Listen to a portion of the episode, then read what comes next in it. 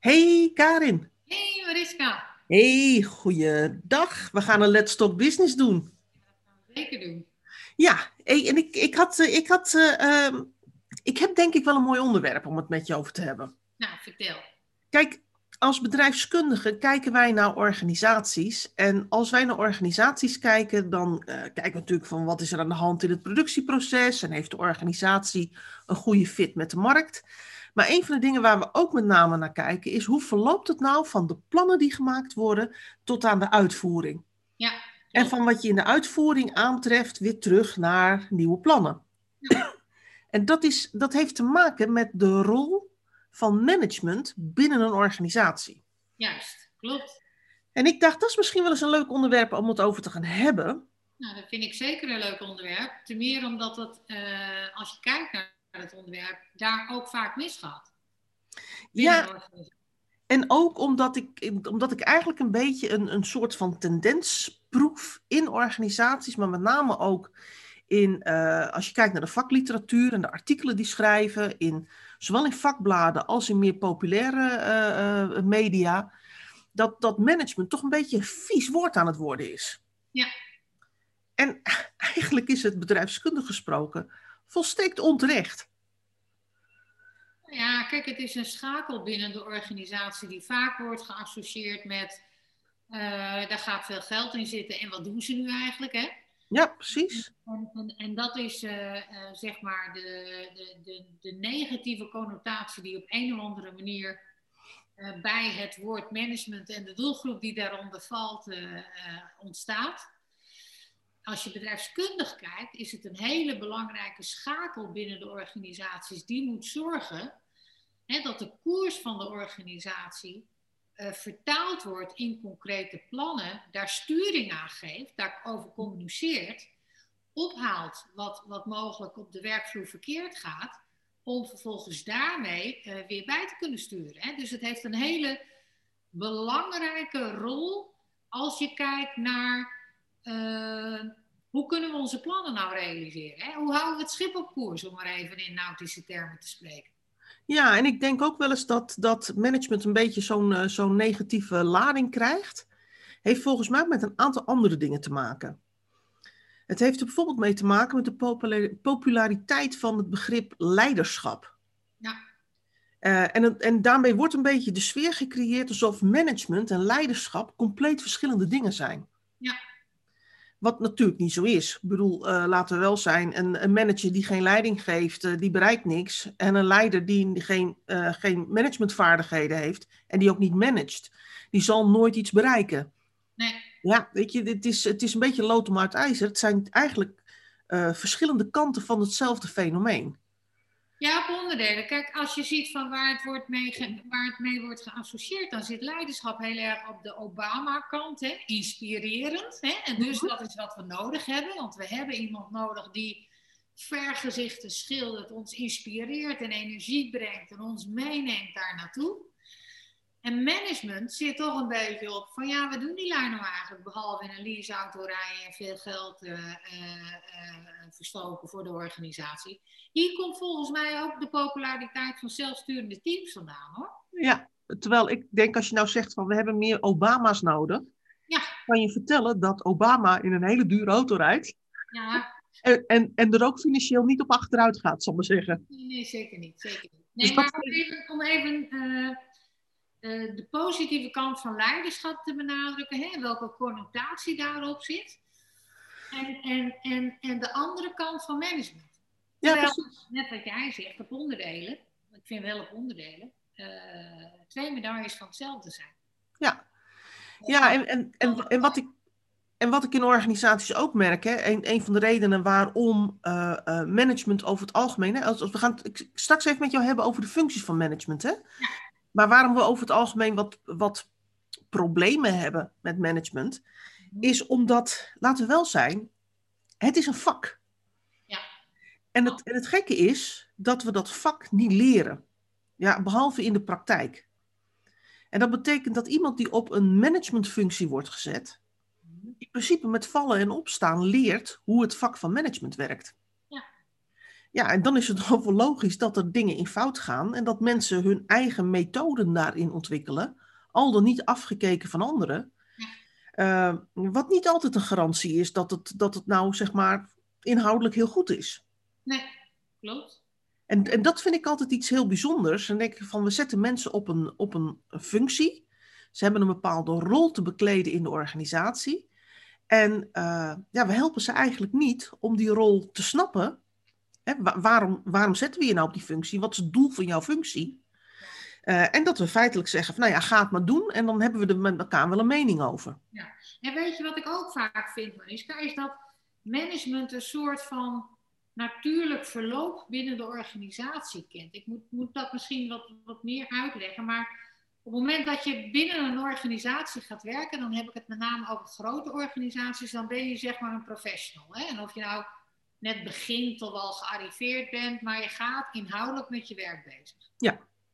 Als je dat heel goed doet, dan zie je vaak dat je als beloning daarvoor mag gaan leiding geven. Ja.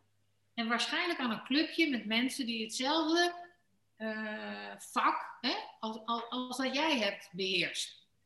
Dus dan wordt een beetje uh, het beste jongetje uit de klas, die wordt leidinggevende gemaakt. Terwijl dat niet per se de beste leidinggevende hoeft te zijn, hè, omdat dat ja, toch een heel ander vak is. Hè. Het, op de inhoud deskundig zijn is eigenlijk natuurlijk heel anders en, en staat eigenlijk contrair op uh, in algemene zin zaken faciliteren, organiseren en realiseren. Want dat is wat je moet gaan doen als teamleider. Ja. En dat... hè, stel je hebt geluk en je hebt daar ook wat aanleg voor en het gaat goed. Dan word je als beloning daarop, word je vaak ook nog manager binnen, binnen diezelfde organisatie weer. Ja. Alsof dat een soort ja, senioriteit en teamleiderschap is, hè? waar je door ervaring op te doen hè, in dat teamleiderschap dan in één keer aan kan voldoen. En dus een goede manager zal zijn. Ja. en dat vind ik van een, van een, van een aanname en een ja, eigenlijk gekkigheid. Dat ik denk van nou het is goed dat we hier eens met elkaar ook spreken. Want dat is natuurlijk niet zo. Nee, sterker nog, het fenomeen is benoemd. Hè? Dat heet het Peter Principle. En Peter Principle zegt in principe, uh, als je goed bent in wat je doet, en waarde levert voor de organisatie, dan maak je net zo lang promotie totdat je op een functie komt waar je eigenlijk niet meer voldoet. Nee.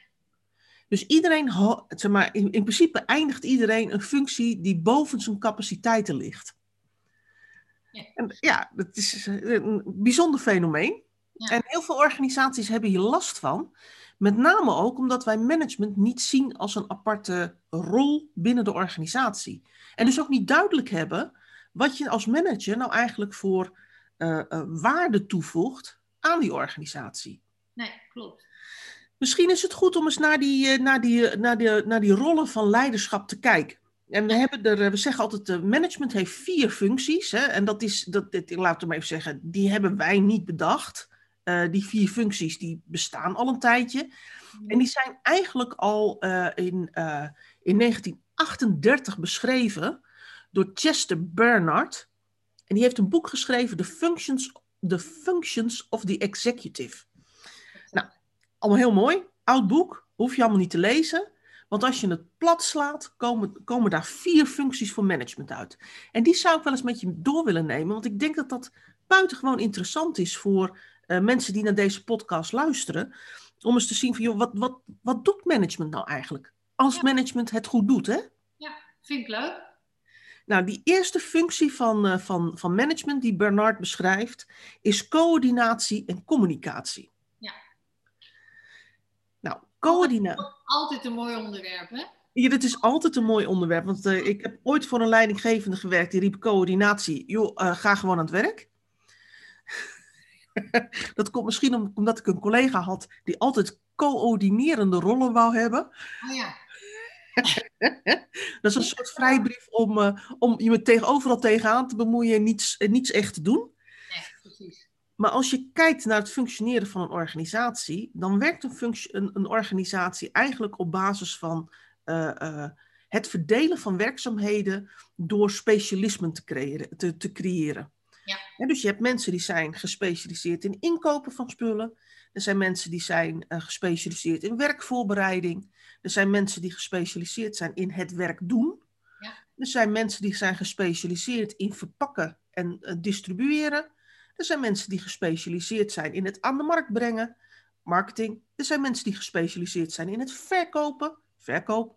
En er zijn mensen die gespecialiseerd zijn in het uiteindelijk leveren van die spullen. Ja. Nou, als je, als je je organisatie, de werkzaamheden en organisatie zo opdeelt en je, en je plukt de voordelen van specialisatie, dan betekent het meteen ook dat er gecoördineerd moet worden. Ja, klopt. En dat is niet je overal tegenaan bemoeien, maar dat is ervoor zorgen dat al die verschillende specialismen in de organisatie ook als een keten samenwerken en zorgen dat de doelen van de organisatie gerealiseerd worden. Ja, precies. En dat betekent ook dat als er in een bepaalde tak van sport een beslissing wordt genomen, bijvoorbeeld omdat we efficiënter willen werken, mm er nog steeds gekeken moet worden van oké, dat is misschien efficiënter voor mijn specialisme, maar wat betekent het voor de keten? Dus die coördinerende functie is gewoon heel erg belangrijk voor het welbevinden van de organisatie en het bereiken van doelen. En daar hoort dus ook communicatie bij. En dat is niet communicatie van we lullen met iedereen een slag in de ronde, maar dat is gerichte communicatie om aan te geven waar staat de organisatie, uh, waar zijn we op dit moment mee bezig, waar zijn mogelijke hiccups, uh, waar gaan we mogelijk veranderingen doorvoeren. Uh, en zorgen van elkaar dat we op de hoogte blijven van. Exact. Wat gebeurt er nou als dit niet goed loopt? Kun je daar een voorbeeld van, van geven? Heb je daar ervaring mee? Ja, ik heb ervaring mee alles. Maar, maar ga, ga, jij eens door. Wat gebeurt er als dit niet goed loopt? Nou, ik, ik, ik, ik doe mij meteen denken aan een, uh, een afdeling. Uh, nou, laten we eens een ICT-afdeling pakken. Ik denk dat veel mensen zich daaraan kunnen relateren als het gaat over grotere organisaties. ICT-projecten zijn over het algemeen grote projecten waar je echt een specialisme voor nodig hebt. Um, en waar altijd meer vraag ligt dan capaciteit is om het uit te voeren. Nou, om zo'n ICT-afdeling nou een beetje goed te kunnen runnen, hebben heel veel ICT-afdelingen uh, een soort intakeformulier. En dat betekent dat je moet aangeven wat je wil, uh, wat je budget is, uh, hoe het eruit moet komen te zien. En het liefst volgens een Prins 2-principe. Hè? Dat je helemaal kunt aangeven, wat moet, ik nou, wat moet het nou een functionaliteiten hebben als ik klaar ben? Ja. En dat is waar de ICT-afdeling dan op gaat beoordelen of het A past binnen, de, binnen het werkveld van de ICT-afdeling, of ze de mensen voor hebben en wanneer het in de planning terechtkomt. Ja. Het probleem is alleen dat als ik als bijvoorbeeld producteigenaar uh, zo'n intakeformulier moet invullen, ik eigenlijk een ICT ernaast moet hebben zitten die mij kan helpen om, het, om dat formulier in te vullen. En dat betekent dat het vaak voor mij als gebruiker veel uh, sneller is om bijvoorbeeld een externe IT'er en dan zelf in Excel wat in elkaar rammelen, dan dat ik dat formeel indien bij de ICT-afdeling en zorg dat het netjes geborgd raakt in mijn systemen. Ja. En dat is een typisch voorbeeldje waar die coördinatie misgaat. Er is dus gekeken naar hoe kan ik nou een bepaalde afdeling waar beperkte capaciteit is, hoe kan ik die zo efficiënt mogelijk laten werken? Maar het heeft vergaande gevolgen voor de rest van de organisatie. En gaat dus eigenlijk ook het doel van zo'n ICT-afdeling, namelijk een totaaloverzicht en beheersing krijgen over alles wat er rondom automatisering speelt in een organisatie, daar gaat het aan voorbij. Ja. En dit betekent hier dat op managementniveau er niet genoeg gesproken is over waartoe dient nou de verschillende, waarvoor, waartoe dienen nou de verschillende activiteiten binnen die organisatie en is dit nou een uitwerking die we met elkaar wenselijk achten? Ja. Heel mooi voorbeeld vind ik uh, wat je hier noemt, omdat je hier ook heel erg uh, zeg maar de groeifases binnen een bedrijf eigenlijk ziet. Hè? Op het moment dat een bedrijf groter wordt, uh, heb je meer te coördineren. Ja. Maar dat maakt ook dat een organisatie logger wordt en dat de bureaucratie ontstaat. En om aan die bureaucratie te ontsnappen, zie je dan weer dat, dat, dat eh, hè, want het gaat niet snel genoeg, zie je dan weer dat er eigen initiatieven worden genomen binnen, om, om tegemoet te komen aan het eigen doel, maar niet aan het organisatiedoel. Precies. En daar zit dus een belangrijke, en, en zoals Bernard het dan beschrijft, de eerste functie van management. Ja. De tweede functie van management zit op het bewaken van de voortgang. Ja.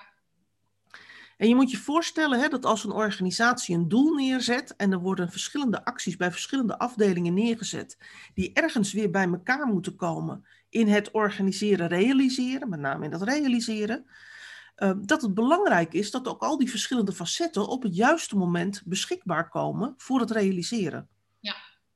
Ik vind dat mooi. Wij geven onze studenten het boek Het, uh, het Doel.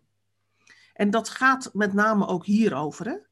Uh, afdelingen die produceren om hun eigen interne doelstellingen te behalen. Terwijl het vervolgens ergens op de stapel belandt of in een magazijn belandt. Of voor een volgende verwerkingsstap, zeg maar, als opgehoopte stapels eh, en dat kan stapels dossiers zijn, maar dat kan bij een dienstverlener. Maar dat kan ook een fysieke hoeveelheid halfproducten zijn. Als die stap, de volgende stap het niet kan produceren en kan afmaken, is dat geld wat gestoken is in iets wat nog geen geld op gaat leveren. Nee, klopt. En de vraag is of het ooit geld gaat opleveren. Hè? Want het kan best zijn dat er in tussentijd nieuwe technologie komt of nieuwe eisen komen. en ja, dan kun je de hele handel afschrijven.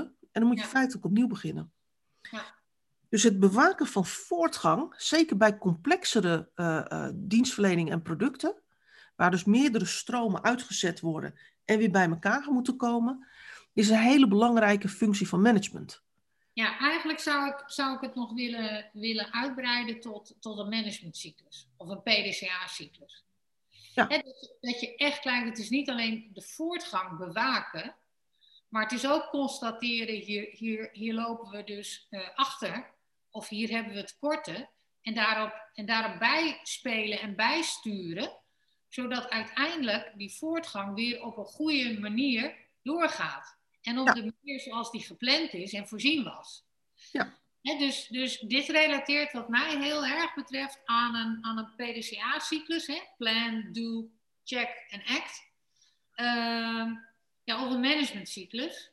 Nou ja, het verschil tussen beide, dat, uh, daar hebben we leuke dingen over geschreven. Ik zou, eh, ik zou willen zeggen, als je daarover wilt lezen, wordt dan, uh, schrijf je dan de zin op een campus en duik eens bij ons in de bibliotheek. Ja, daar staat meer dan genoeg over de PDCA. Ja. Wat, wat ik denk ik ook, wat voor mij ook een heel erg samenhangt met die PDCA, gaat niet alleen over hoe kun je dan, zeg maar, als je een, een bottleneck in je, in je proces hebt, hè, uh, die feitelijk de marsroute bepaalt over hoe je producten en diensten kunt gaan opleveren, gaat het niet alleen over kijken hoe kun je nou die, uh, uh, die bottleneck, hoe kun je de capaciteit daarin vergroten of de efficiëntie verbeteren. Maar het gaat ook over hoe kun je dan afschalen in alle andere activiteiten. Zodat je daar geen voorraden tussen krijgt te liggen. Uh, want uiteindelijk, zeg maar, het produceren voor tussenvoorraad, ja, dat kost de organisatie gewoon heel veel geld. Terwijl het niks oplevert. Nee, exact. Het ligt renteloos op de plank, zoals ze dan wel eens uh, zeggen. Hè? Ja, en daar, uh, daar, uh, als jij als financiële vrouw in een organisatie komt en je ziet heel veel nutteloos op de plank liggen, dan word je vast, nou in ieder geval niet heel erg blij. er ligt nog heel veel geld. Niks te doen. Ja, ik, ben, ik kan me herinneren dat ik ooit een keer, en ik werkte toen nog voor, voor tegenwoordig PostNL, toen was het nog PTT Post. Uh, en ik, was, ik, ik, deed, ik zat in de goederendistributie en ik werd uitgenodigd door een van de verkopers om eens mee te gaan naar een klant waar hij altijd discussie had. En dat was een groothandel in edelmetalen. Ja. En die leverde bijvoorbeeld aan de industrie, maar ook aan, uh, aan edelsmeden. En daar werd, uh, ik werd gebriefd door de verkoper die zei van ja, weet je, ik heb hier altijd, on, zeg altijd gezeik en onderhandeling over ja, het, het vervoerstarief wat wij vragen. Want het zijn edelmetalen, dat moet toch enigszins beveiligd vervoerd worden. En uh, ja, dat is gewoon niet goedkoop. Ik bedoel, hè? niet bij ons, niet bij een ander, het is gewoon niet goedkoop. En uh, uh, nou, als jij nou iets wil, hè, want dat krijg, zo krijg je het meest aangereikt, als jij als marketeer iets wil, dan is dit misschien eens een leuke klant om mee te praten. Met andere woorden, boelgezeik, los het even op. Dus ik zat bij die, uh, bij die, uh, ik zat bij die verkoper uh, aan tafel bij die klant. En dat was de logistieke baas waarmee we spraken. En die had duidelijk als doelstelling van, joh, ik ga een paar procent van, van, dat, van, het, van het portietarief af, af onderhandelen. Ja. En er werd stevig onderhandeld. Ja. En op een gegeven moment zei ik van, joh, weet je, ik, hè, ik, ik, ik, heb hier niks aan toe te voegen. Want ja, jullie onderhandelen over de prijs van het tarief en daar heb ik gewoon geen, geen bevoegdheden op. Maar als er straks nog tijd over is, dan zou ik het heel fijn vinden om even met u, zeg maar, door de zaak te lopen. Want, nou ja, ik bedoel, wanneer maak je dat nou mee, hè? Dat je bij een groothandel van edelmetalen komt? Nee, wel bijzonder. Nou, dat, dat vond hij eigenlijk veel leuker dan onderhandelen. Dus uh, die onderhandelingen werden even geparkeerd en uh, we gingen samen door het magazijn. Nou, en dan loop je door het magazijn en dat zijn dat gewoon stellingkasten. Er ligt gewoon voorraad in edelmetalen. En, en alles wat je nodig hebt om het te verwerken. Hè? Ik bedoel, dus ik zat zo eens met die man te praten en ik zei van, joh, hoe gaat nou jullie inkoop? En wat voor hoeveelheden pakken jullie dan, kopen jullie dan in? En hoe lang ligt voorraad hier op de plank? En dit en dat, en wat is de totale waarde die hier ligt? En toen zei ik tegen hem, waar word, waar word je nou op gestuurd hè, als logistieke baas? Ja. ja op beheersing van de kosten. Zei ja, en, en wie doet dan de inkoop? Ja, dat deed iemand anders. Was een verantwoordelijkheid van een andere afdeling. En die kopen grote volumes in, want dan kunnen ze inkoopvoordelen pakken. En hij krijgt het dan in het magazijn en op dat moment is het zijn probleem. Nou, Oké, en wie doet de verkoop dan? Ja, een andere afdeling. Dus die werden gestuurd op de verkoop. Ja. En als zij niet genoeg verkochten, ja, dan bleef het bij hem in het magazijn liggen. En hij werd gestuurd op kosten. Eigenlijk het enige wat hij kon beïnvloeden, waren die portiekosten. Ja. Op het moment dat je dat weet, kun je met hem praten van, joh, wat kun je nou binnen de organisatie doen? Dan komen we terug bij coördinatie, hè? Mhm. Wat kun je nou binnen die organisatie doen om meer sturing te krijgen wat er bij jou in het magazijn komt? en meer sturing te krijgen hoe snel het er weer uitgaat. Ja, precies. Want daarmee bespaar je aanzienlijk meer kosten dan te praten over 1 of 2 cent van je portie afhalen. Ja. Dat was, dat was voor die man een eye-opener. En we hebben, ik heb daar nog een uur gezeten om met hem te praten van, joh, wat kun je nou doen richting de inkoop en richting de verkoop? Om, en wat kun je doen in je rapportages om dat zichtbaar te maken? Ja ik ben voor die verkoper later ook nog een paar keer teruggehoord. We hebben natuurlijk allemaal van die bijeenkomsten waar je elkaar allemaal ziet. Mhm. Hij heeft nooit meer gezeik over Porti gehad. Oh, geweldig. Maar dit, maar dit is denk ik een heel mooi voorbeeld om te laten zien dat uh, uh, voortgang in dat proces, en dat heeft alles te maken ook met die coördinatie, dat dat een heel belangrijk fenomeen is waar wij door verzuiling binnen de organisatie eigenlijk gewoon te weinig aandacht voor hebben. Precies. En door die verzuiling is er te weinig integrale kijk, hè, blik op de organisatie. Ja. waardoor je uh, zeg maar suboptimaal presteert. Namelijk ja, optimaal op de zaal en niet op het geheel.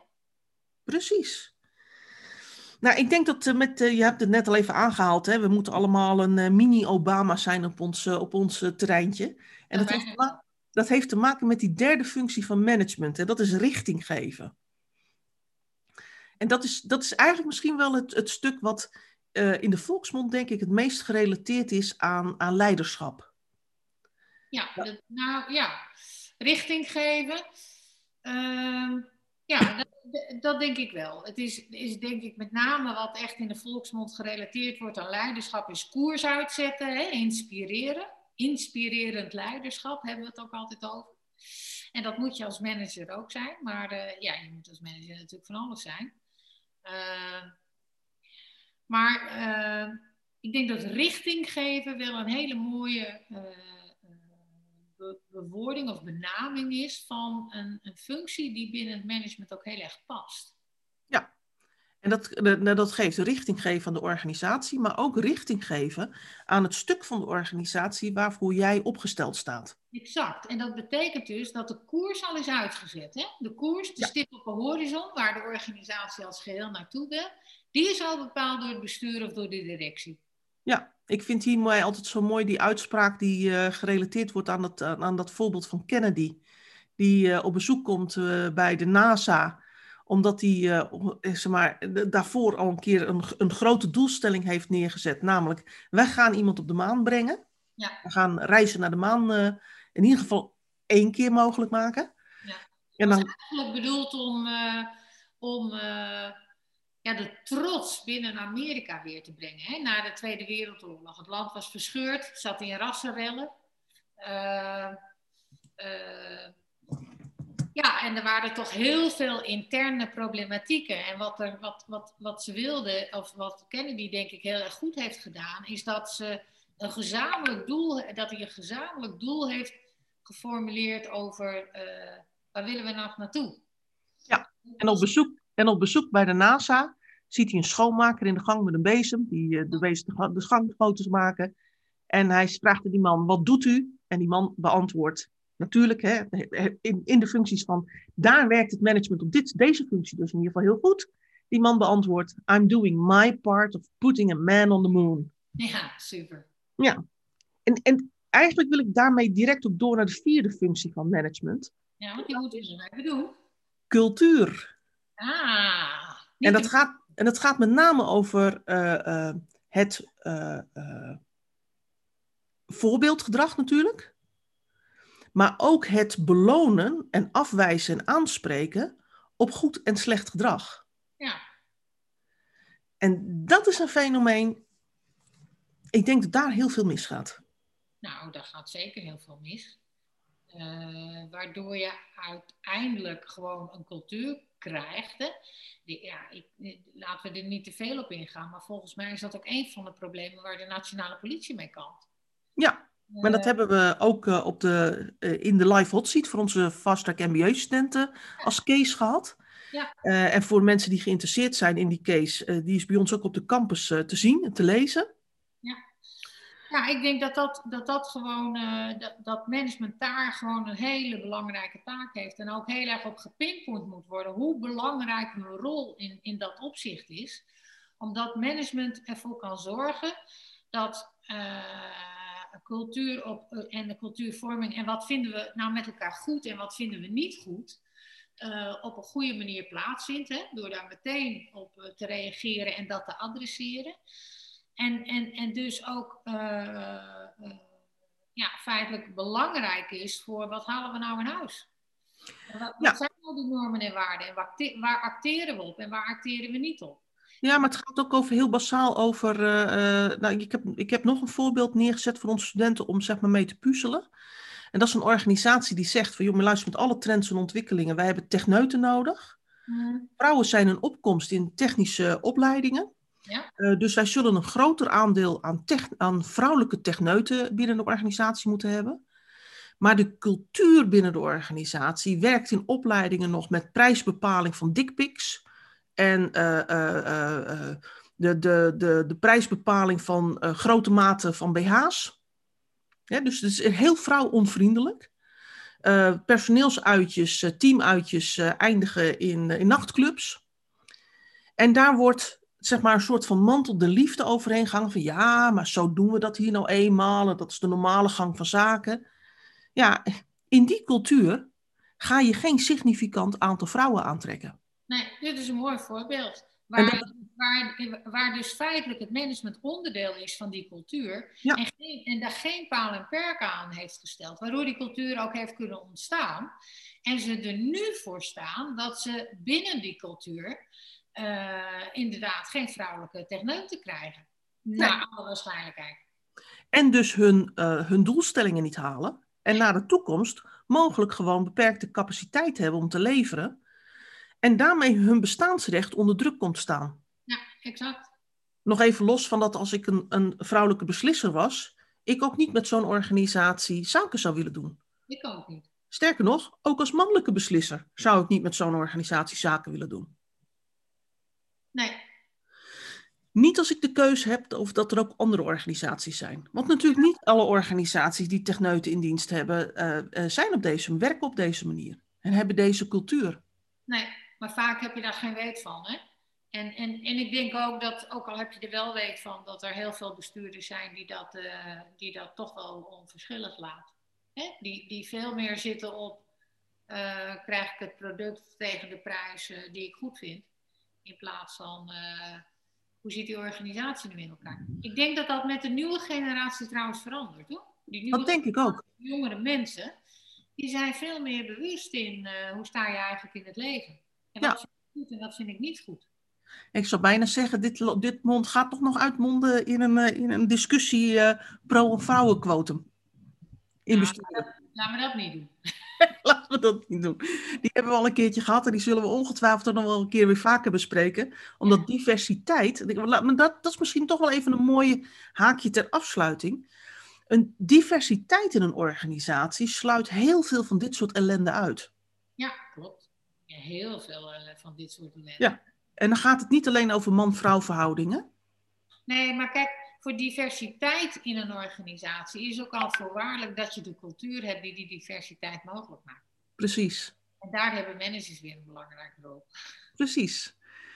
En ik, ik denk hè, dat als we meer oog hebben voor deze vier functies van management, we ook meer aandacht besteden aan het uh, goed opleiden en, en voorbereiden van mensen die op zo'n managementfunctie komen. Mm-hmm. En dat en dus ook veel meer waarde wordt gecreëerd in de vertaling van de richting, beleid naar wat doen we nou daadwerkelijk en waar lopen we in de dagelijkse praktijk tegenaan en hoe vertaalt dat zich dan weer naar bestaansrecht in de toekomst?